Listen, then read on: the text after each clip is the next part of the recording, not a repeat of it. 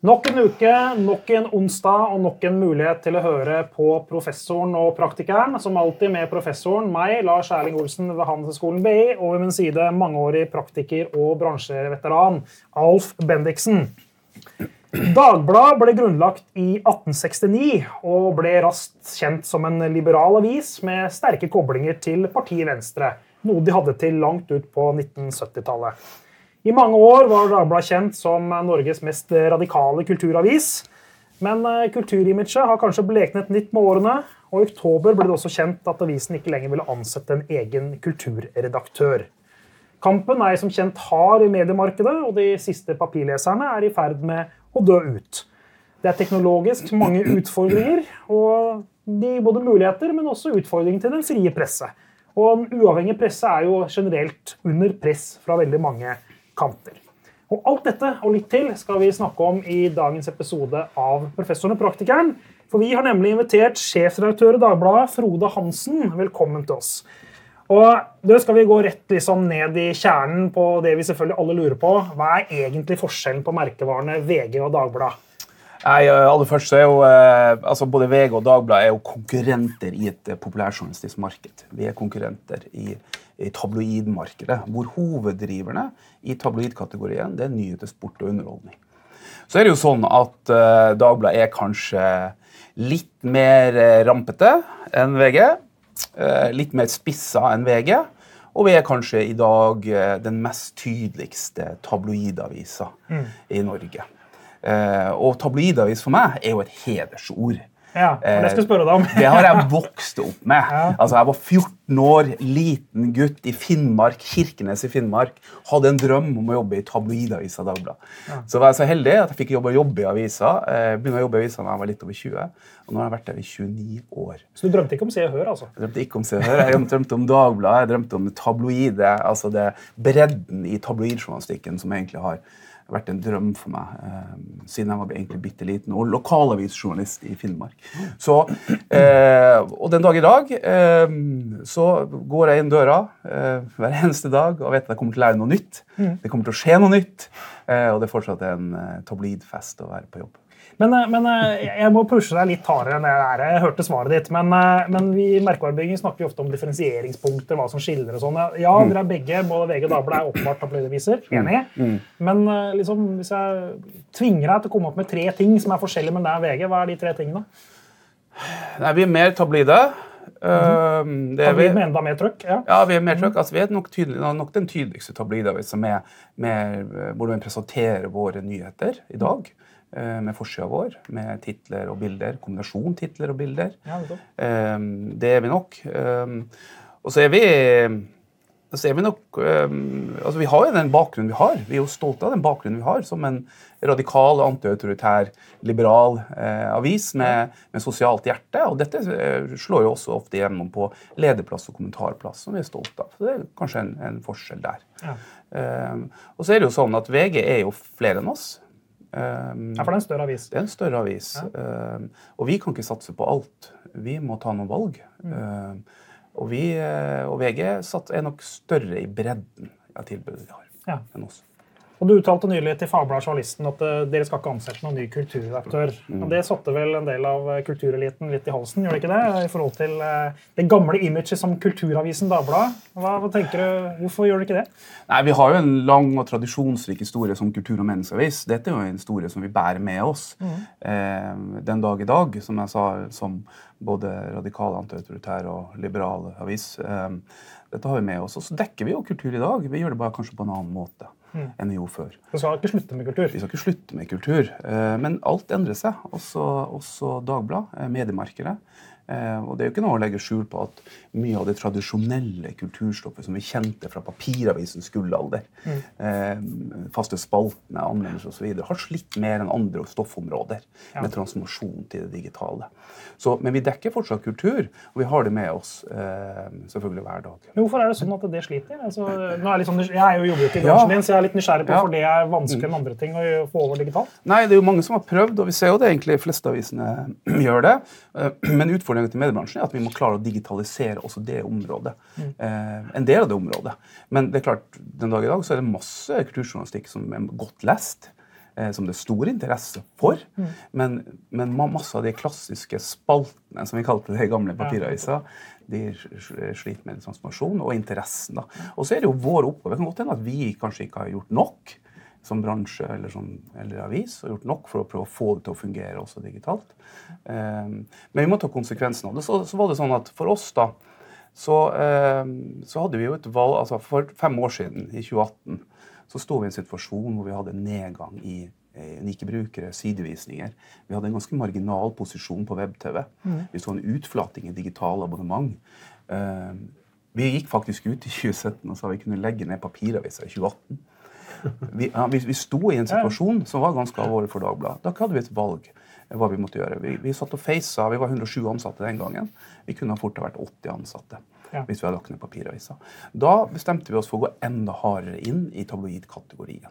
Og driverne i tabloidkategorien det vet vi er nye til sport og underholdning. Men så er jo Dagbladet så mye mer. Vi har jo selvfølgelig bredden, men, eh, og det er jo altså bredden som har vært min fascinasjon av Dagbladet helt siden jeg var bitte liten. Eh, Men det er jo årsaken til at vi valgte da å gå hardere inn i tabloidkategorien. Og så, så kan man være enig eller uenig i den strategivalget. Det er helt fair, og det å diskutere det. Men, eh, men hvis du tenker på vekst, og både i lesevekst og økonomisk vekst, så har det jo så har det gått ganske bra. Ja, det har vært en suksess, det dere gjorde. det, 2018, fordi det som ikke alle vet, da, det er jo at eh, på fem, frem til et eller annet tidspunkt på 50-tallet så var Dagbladet større enn VG. Mm. Og så eh, gjorde VG noen grep Mm. og gikk forbi Dagbladet. Og har egentlig vokst fra Dagbladet jevnt og trutt siden da. Ja. Og så vidt jeg kjenner historien, så har Dagbladet stilt seg spørsmålet. Det, det er litt det som du sa, da. Når VG gjør sånn, så må vi gjøre noe annet. Og det har vært eh, Ja. på, på mange måter oppskriften til å bli mindre. da. Istedenfor det dere gjør nå, dere konsentrerte om at vi skal gå head on ikke sant? Ja. på det som er viktigst. Det er jo helt Ja. riktig, det. Altså, sant? Det, er jo, det, er jo det. Man kunne jo valgt å gjøre noe helt annet. Man kunne jo valgt å, å konsentrere innsatsen av både ansatte, og økonomi og penger på andre stoffområder. Sant? Konsekvensen ville etter all sannsynligvis blitt at vi ikke ville vært så store. Vi ville vært færre ansatte, vi ville tjent mindre penger. Det er for så vidt et helt fair valg. Men det var ikke valget vi tok. Vi ønsket å gå inn i kategori og head to head mot VG. Ja. Og det var jo, altså Hagtveit hadde jo denne forferdelige eller mot, Sett med Dagbladet øyne, da, artikkelen i Aftenposten. Der eh, han liksom skaper inntrykk av at eh, etter at Dagbladet ikke lenger satset på å være kulturavisen, så, har den, så er det ikke noe igjen, da. Eh, og så Tittelen sier han av at Mitt farvel med Dagbladet Ja. var en kronikk. ja, jeg så han her for, forleden på en kaffebrenneri. Jeg tror han satt og leste Dagbladet. Men, Det eh, er bra. Det er bra. men han sa noe sånt som om det, det handler visst bare om penger. Og det er klart, altså, det kunne jo blitt eh, et Morgenbladet nummer to. Men da hadde du kommet ut en gang hver 14. dag. Jeg er du bekymret for å miste mine professorkolleger og intellektuelle. Nei, altså eh, det, altså Diskusjonen om kulturavis og Dagbladet er jo ikke noe nytt. Altså, Nei. da Dagbladet ble gikk til tabloid i 1983, så var det faktisk et opprop i Kultur-Norge som erklærte Kulturavis og Dagbladet for død, om at man eh, lot seg eh, bli med på en heslig medieutvikling. Og medieøkonomien styrte, da. Men, man, eh, men jeg tenker jo at eh, vi bærer jo med oss den, den tradisjonen. Det gjør vi videre. Men klart hvis du ser, og det er når jeg snakker om drivere i markedet og sånne ting, også innenfor kultur da, og i Dagbladets historie, så snakker jeg egentlig om hva som er prioritert overfor leserne eh, til enhver tid. Sant? Vi har ganske omfattende analyser av avisen helt tilbake til 1970 som viser hva som vi prioriterte overfor leserne. E- I 1987 var 1% av stoffet kultur på forsida av Dagbladet. Ja, nettopp. 1 Og det betyr jo da at eh, hovedretten var det populærjournalistiske. Det var nyhet, sport og underholdning. Sideretten var kultur og andre ting. Og så inni avisa så var det eh, et par skyer foran og en del sider bak, og så har det vært litt opp og ned noen år, eh, hvor det liksom det tunge intellektuelle, kulturstoffet eh, var. Også, men flest plass, mest plass i avisa var det populærjournalistiske. Så, det er- så, det, det er ikke fra min side en, en på en måte å redusere kulturjournalistikkens plass i Dagbladet. For den er der, og den er vi stolte av. Og det er noe av grunnen til at jeg begynte i Dagbladet, med, med dem jeg så opp til den gangen. når jeg begynte, da jeg var liten gutt. Um, men det er mer, mer en påpekning av at vi også er og har vært populærjournalistisk. Og det har vi vært siden 1930-tallet, når Boulevardavisen kom, som var forløperen i tabloiden. Ja. Jeg, altså, jeg synes jo um, Eller da, jeg husker ikke hun som var redaktør da, som lanserte dette Kulturavisen-begrepet.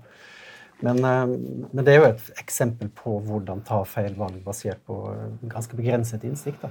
Fordi hvis du, ja. hvis du, spør folk hva de vil lese, mm. så er det ganske annerledes enn hva de faktisk leser. Det kunne man ikke måle før det ble digitale aviser. Mm. Nå vet de nøyaktig hvem som leser hva, og hvor lenge de leser osv. Mm. Det visste man ikke den gangen. Og jeg vil jo påstå at eh, jeg tror ikke det var så veldig mange som leste de lange artiklene i Dagbladet da den var på papir. Og det ser man jo i dag at det er nesten ingen som leser den nå heller. Hvorfor skulle det skje et mm. skifte der? Mm. Hvorfor skulle det skje et skifte der fordi man gikk digitalt? Jeg tror det alltid har vært sånn. vært ganske få. Og jeg vet jo en hos deg som jeg snakket med en gang, som sa det at hvis vi skulle laget et dagblad basert på hva folk er villige til å betale for, så hadde Dagbladet blitt et pornoblad. Han nekter for det i dag, men det har jeg skrevet til så jeg vet det. Det var ikke meg, i hvert fall. Nei, det var bra. Nei, men det er klart, sant? Altså, man, man, kunne valgt en annen retning. Også det du snakket om i 2009, når, ja. når Dagbladet eh, valgte å satse. Da gjorde Dagbladet et helhjerta forsøk. Mm. Det var alle med på. Et helhjerta forsøk på en kultur- og debattavis. Og det mente man det var rom for en sånn avis. Man mente da at det såkalte grunnfjellet til Dagbladet var så stort at det ville vokse ytterligere. Det som, var, det som skjedde eh, i løpet av de månedene, var jo at, eh, at Dagbladet tapte ekstremt mye mm. i opplag og i markedsandel. Men kanskje mest overraskende var at Dagbladet sank i profil. Ah. Eh, til og med på de områdene man satsa på. Ja, såpass, ja. ja yes. Og hvorfor da? Hvorfor, hvorfor sånn? Ja, jeg tror det. Man gjorde det fordi at forventninga til produktet som populærjournalistisk forsvant. Ja. Altså, det, man fikk ikke det man, man, ja, man ville ha. Eh, og selv om våre lesere eh, har høyere utdannelse, litt høyere utdannelse og litt høyere inntekt, også den dag i dag, så var det ikke det de var på jakt etter når de leste Dagblad. De ville ha den populærjournalistiske ja. miksen. Det var en pause i hverdagen for alt det vanskelige. Ja, det kan godt hende, sant? Men, sant, mm. så, så, så, men, det var et helt forsøk, og, er, og, det var, og man gikk all in for å gjøre det. Men vi har jo sett eksempler på akkurat det samme i andre land.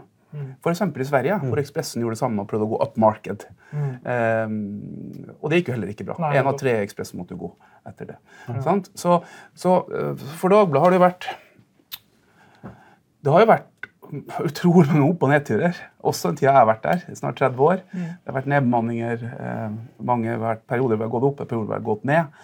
Eh, det har vært tøffe tider. Det har vært eh, mediesynsere som har dømt oss nord og ned ja. opp gjennom alle år. Eh, men her står vi, da. Ja, vi er Norges neste største avis. Vi er dobbelt så store som Aftenposten. Vi går all in i tabloidkategori. Men det er liksom det jeg sånn, sånn litt utenfra, ikke jobber i bransjen, alltid har liksom en slags følelse da, altså, Jeg vet ikke om det er riktig, men at det er liksom Dagbladet som sliter mest. Aftenposten klarer seg ganske bra, VG går litt opp og down, men, men, men er, det liksom, er, det, er, det riktig inntrykk, eller blir det liksom forhåndsdømt litt fort? Ja, det har Dagbladet alltid vært snakka om, og det er for så vidt fint. Altså, Tittelen på jubileumsboka i 1994 var 'Utskjelt og utsolgt'. Så vi, vi lever fint med den, eh, den, eh, den karakteristikken. Men, men, men, det er ikke tvil om at det har vært tøffe tak eh, opp gjennom årene. Det har vært skikkelig tøffe tak. Det har vært mange nedbemanninger, vært opp og ned. Mm. Ulike strategiske retninger, ulike strategiske satsinger.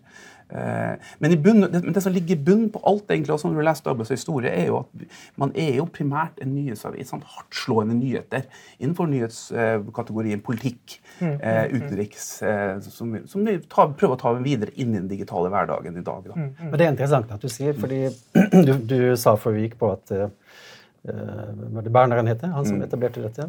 Hagbart Emanuel Berner. Barna hans ble mobba på skolen fordi mm. pappa drev Dagbladet. Ja. Og, og, det, og sånn, nå er det ikke sånn at barna dine blir mobba for heldigvis. heldigvis. Så det har blitt bedre, da. Ja. ja. Nei, så dem som tror at liksom, diskusjon om eh, at det er heftig diskusjon i mediebransjen, bør lese litt opp, og lese litt opp på historien ja. i mediebransjen. Altså, når, når Hagbart Berner eh, starta Dagbladet i sin tid, så ble han, eh, så ble han rutene knust hjemme, barna ble mobba på skolen. Mm. Han ble faktisk spytta på på vei til jobben av Morgenbladet-ansatte. Så det var ganske heftige diskusjoner også eh, den gangen om eh, de ulike jeg vet, det, min far... det har vært tøft å være sjefredaktør i Dagbladet. Ja, det har det. Men faren min sa jo det til meg, for jeg har alltid lest Dagbladet. Mm. Og eh, så jeg satt og leste Dagbladet Jeg var vel jeg sier jeg var 18-19 år. da. Mm. Så, han sa det rett ut. Ingenting av det som står i den avisen, er sant. Ja, sant. Ja. Og så sa jeg, tenkte jeg meg om, og så sa jeg, men hva med TV- og radioprogrammet på siste side? da? Ja. Ja, Det er kanskje sant. Men resten er ikke sant. ja, ja, ja, det var ganske heftig. Men det, men det er klart, vi, men det er klart det er jo men, men klart, i alle land som, vi, som, vi, som er sammenlignbare, da, sant, med tabloidjournalistikk osv., så, videre, så er det jo ikke tvil om at det er tabloidavisen som, som er den største og det mest dominerende i stort sett alle land. Eh, og det er en ekstrem hard tabloidkonkurranse også i det landet som vi kan sammenligne oss med. Og i, og i min bok, da, som jeg sa, vi kunne jo valgt noe annerledes og gått en annen retten, retning, men i min bok, altså den største er jo, er jo den som, som, som er, altså den som har mest suksess, den som er størst, eller som vokser mest. Ja, nettopp. Det er det folk vil ha. Men du snakket, om- Vi har snakket litt om digitaliseringen, Mm. eh, og det har jo endret det. Er jo ikke noe nytt. Har på mange år nå, endret konkurransebildet kraftig. Mm. Eh, Hvor lenge har dere fortsatt papiraviser? Det spørsmålet, ja, skal, vi, skal, vi, skal vi en spådom her? det spørsmålet får jeg ganske ofte, eh, og det er jo et spørsmål. Men så sa jeg i 2017, så gikk jeg i 2018 så gikk vi ut og sa at vi kunne legge ned allerede første kvartal 18. Eh, Det ble ikke sånn, heldigvis. Vi har den fortsatt med oss. Vi er stolte av den.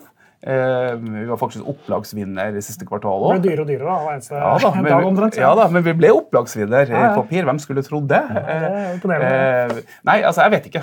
Vi, vi, driver, vi har den så lenge det er interesse for den. Eh, og det er viktig for oss å klare å holde den. Mm. Sant? Vår, vår forretningsmodell altså, Vi er jo ganske heldige eh, når vi snakker om økonomien. Da, så er vi jo ganske heldige i Dagbladet i den forstand at vi er kommet ganske langt i den digitale transformasjonen. Mm. Vår økonomi er jo all, primært, egentlig aller meste av økonomien vår er jo digital. Ja. Sant? Um, og det, det er noe helt annet eh, nå. eh, men det er klart papiravisa er viktig for oss fortsatt. Den er viktig av flere ting. Det ene er jo selvfølgelig inntektene. Det går ned hvert år. Det gjør det for alle. Det, er liksom, sånn er det. Eh, eh, det er viktig å holde inntektene, så vi kan liksom holde det lengst mulig for å klare å kompensere med digitale inntekter. Det andre er jo merkevarebygginga i seg sjøl. Det å stå i et stativ, Ja. lande Er det rundt. synlige? Nettopp. sant? Det kan du ikke, egentlig ikke sette inn i Excel-ark og begynne å regne Nei, verdi er på.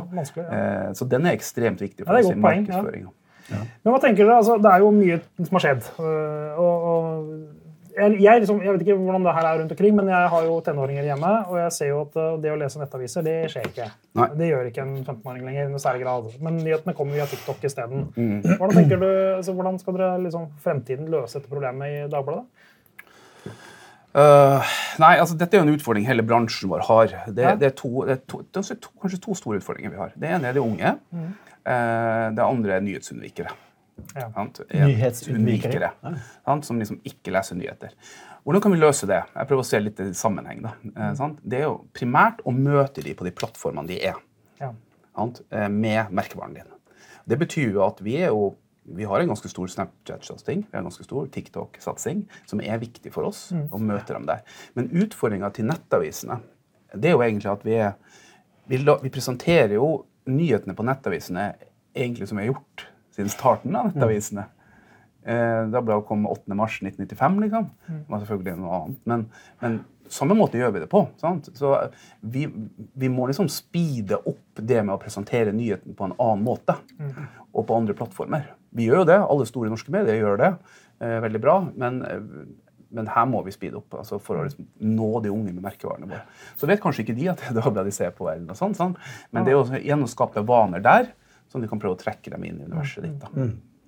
Ja, for jeg synes Det er interessant å se hvordan medievaner altså Det har alltid endret seg, i og for seg, men nå synes det, det er noen sånne skift som er litt uh, Jeg har vært bekymret for hvis jeg var i din bransje. Ja da, Det er en bekymring. Eh, Det er klart det er en bekymring, ikke minst de unge og, og de nyhetsunnvikerne. da. Mm. Det er nettopp derfor vi prøver å nå de i de plattformene. Ja, men Hvis du tar en annen del av konsernet du er i, da, Aller, med altså ukepressen altså Ukepressefenomenet passer jo ikke i den digitale medievirkeligheten. Nei. Sant? Og de forsvinner jo det ene etter den andre. Sant? Så forsvinner de titlene. Og det stoffet som var der, det er jo nå i uh, avisene. Ja. Sånn at uh, Jeg vet ikke hvordan dette ender om 10-15-20 år, men kan, da sitter vi med fem medier i Norge. Altså Lokalavisene Ja. kommer til å være der fordi at de har et Ja. monopol på noe stoff Ja, som gjør at de kan plusse absolutt alle artikler, bortsett fra annonser, som vi ikke har begynt å plusse ennå. Men det kommer kanskje det òg. Ja. Så det, sånn sett så overtar dere jo egentlig det som er i media. da. Ja, Man gjør jo det, men det starta egentlig også egentlig på 90-tallet med magasinet til papir, som begynte å ta inn det klassiske ukebladstoffet. Mm. Da ble magasinet kom vel i slutten av 90-tallet, 1999. stemmer sant? så, um, så det har egentlig alltid vært der. Men, Men jeg tror jo, altså det går jo såpass fort sant, i mediebransjen. Og så har ulike medier vært ulike strategier. Forretningsstrategier. Sant?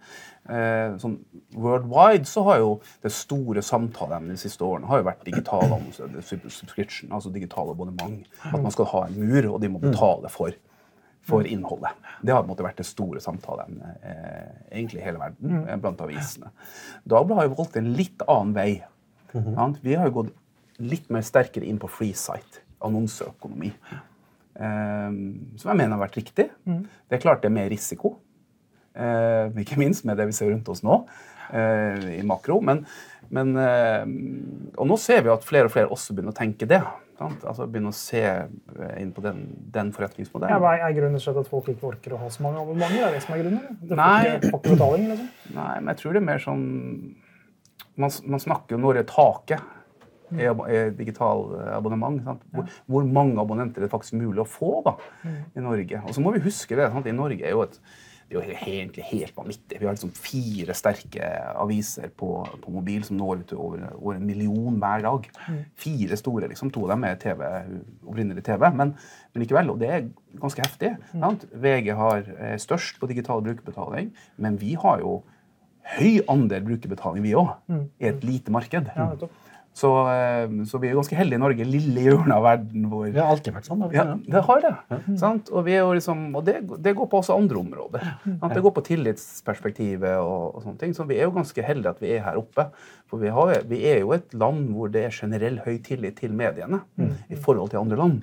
Og dette er jo en tillit som ja, det må jo vi ta på alvor, selvfølgelig. Og det er jo viktig for oss at vi klarer å jobbe med. Apropos tillit. Mm. eh, For ti år siden så dukket fenomenet innholdsmarkedsføring, eller content marketing, som het for ti Ja. år siden, kraftig opp. Men det var jo mange journalister som var veldig, veldig tydelige på sin motstand mot det. Mm. Den motstanden hører du ikke så mye om lenger. Og det har etablert seg. Eh, Mm. Hva tenker bransjen om det i dag? da? Nei, det er jo interessant. Eh, Jeg sitter jo også sjøl som vara i PFU, og har gjort det siden 2014 i Pressens faglige utvalg, som også har, disse, har hatt disse sakene på bordet i presseetikken. Nei, jeg tror det var Det som var utfordringa helt i starten med content marketing, var jo det at man, eh, man ikke helt fant formen. At man, eh, og ingen vil jo lure leseren. Verken, verken på kommersiell side eller på redaksjonell side. så ingen vil lure leseren. Men man fant ikke helt formen, så leseren var usikker på jeg leser nå noe redaksjonelt eller leser noe kommersielt. Ja.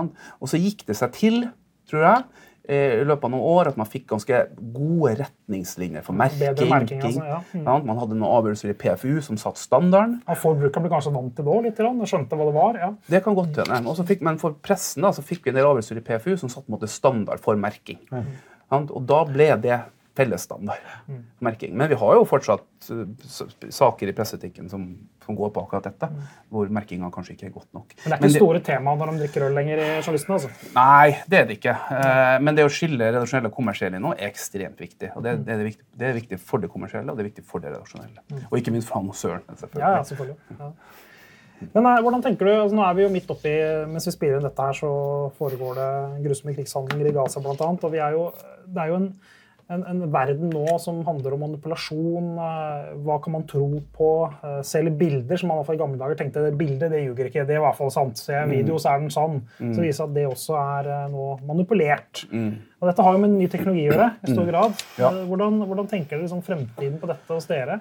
For liksom, Hvordan kan vi stole på Dagbladet? da? Eller ikke bare Dagbladet, eller alle aviser, men hvordan kan vi stole på dere i fremtiden med når teknologien liksom Ja. drar av gårde? Det er, en, det er et kjempetema som ja, er må snakke om. ja, for dette er jo stempelet som gjør at, vi, at Dagbladet har en merkeverdi. Åpenbart. sant? Altså Det å være redaktørstyrt medie. Vær så god, dette er sjekka.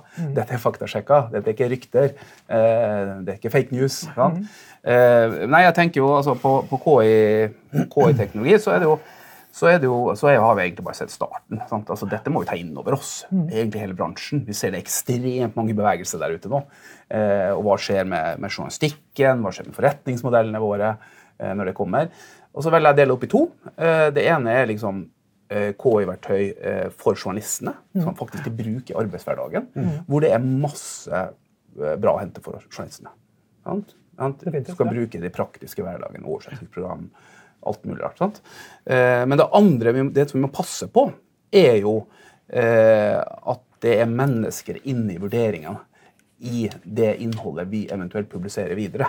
Ja, sant. Mm. Eh, at det er redaktørstyrte medier som tar avgjørelsen. Det er ikke KI som gjør det. Det er ikke roboten som gjør det. Nei, sant? Også, så, så man har jo nå, De aller fleste mediehus har jo lagd, lagd regler for KI. Altså hvordan du skal håndtere KI. Hvordan. Eh, blant annet at hvis det er bilder eh, som er bilder, så skal det merkes godt osv. Men, men her er vi jo bare i starten. altså hva, hva skjer videre? Det vet jeg ikke. Men jeg tror det er ekstremt viktig at vi holder på det det redaktørstyrte at mennesker i syvende og sist skal sjekke det vi presenterer for leserne. Det tror jeg er viktig.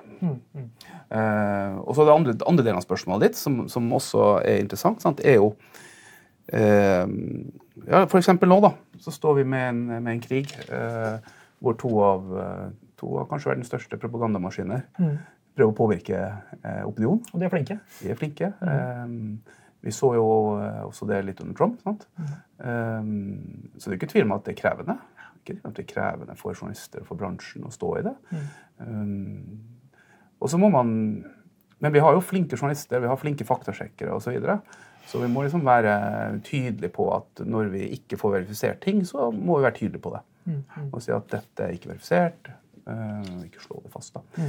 Men igjen da, så er vi kommet tilbake til, den, til at vi er ganske, ganske heldige og privilegerte i Norge med at vi bor i litt hjørne av verden. Og debatten er ikke så polariserende som vi, som vi ser i andre land. da. Og vi har i hvert fall et grunnleggende samfunn som er opptatt av en fri og uavhengig press. og Det er jo ikke er gitt i alle verden og steder at man har. Det er viktig. Ja, så har du lært noe om uh, har Dagbladet i dag? Jeg kjenner Dagbladet godt, som eh, leser siden jeg nesten begynte å lese inn. Ja. Stoler du på det som står der, eller er du som faren din nå? Nei, nei, nei. eh, Akkurat den delen av faren min har jeg ikke Ja, er faktisk. Men eh, jeg syns jo Georg Apnes, som var sjef i eh, Mm. data, eller første sjefen i Datatilsynet, han sa jo det at folk burde ikke få de avisene de vil ha. Og det er jo et ganske nedlatende menneskesyn, faktisk. fordi Ja. at det du fortalte meg nå som jeg ikke visste, at den første jubileumsboka er helt utskjelt og utsolgt, Mm. forteller jo at det, dette er en type avis som folk alltid har villet ha. Mm. Og, eh, og det er faktisk mindre ille nå enn det var for 120 år siden. Det visste jeg ikke. Mm. Nettopp. Så, så, nei, men det er klart, Dagbladet, altså, for, for, oss, for meg da, og for oss som jobber her nå, så er det aller viktigste at vi skal bygge et robust og sterkt Dagblad for fremtiden. Det har vært opp- og nedturer. Det har vært mediesynsere som ganske mange ganger har dømt oss ned. nord og ned. Eh, men her står vi, da, som jeg sa. Vi, er, vi står ganske robust i økonomien, eh, til tross for ganske mye uro. Eh, vi er blitt 50, over 50 flere ansatte enn vi var i 2018. Ja, det er. Så vi må ha gjort noe riktig. Det betaler dårlig lønn. Ja, nei, det gjør vi ikke. det gjør vi ikke. Så vi er 50 flere ansatte, og, men det aller viktigste er at vi liksom, Og så skal vi være nysgjerrig selvfølgelig på å utvikle nye forretningsområder, nye forretningsstrategier. Sånn, Tabloidversjonen vår er jo liksom at vi ønsker jo vekst. Vi vil jo bli store. Eh, og, og, og det er også inntekter, selvfølgelig, eh, som vi igjen kan investere i journalistikk. Det er jo eh, tabloidversjonen av strategien. Tusen takk til deg, Frode Hansen, sjefsredaktør i Dagbladet, og lykke til i kampen mot VG, som jeg regner med du har på agendaen hver eneste dag. Og takk til deg også som eh, så på. Eh, Hver eneste onsdag vet dere at det er en ny episode av eh, Professoren og praktikeren, så det er bare å klikke seg inn på kampanje eller den podkastplattformen som eh, du måtte foretrekke. Og tusen takk til eh, vår eh, faste produsent Nora Fonneland Lund, som er eh, i hvert fall denne podkastens eneste frie og uavhengige journalist.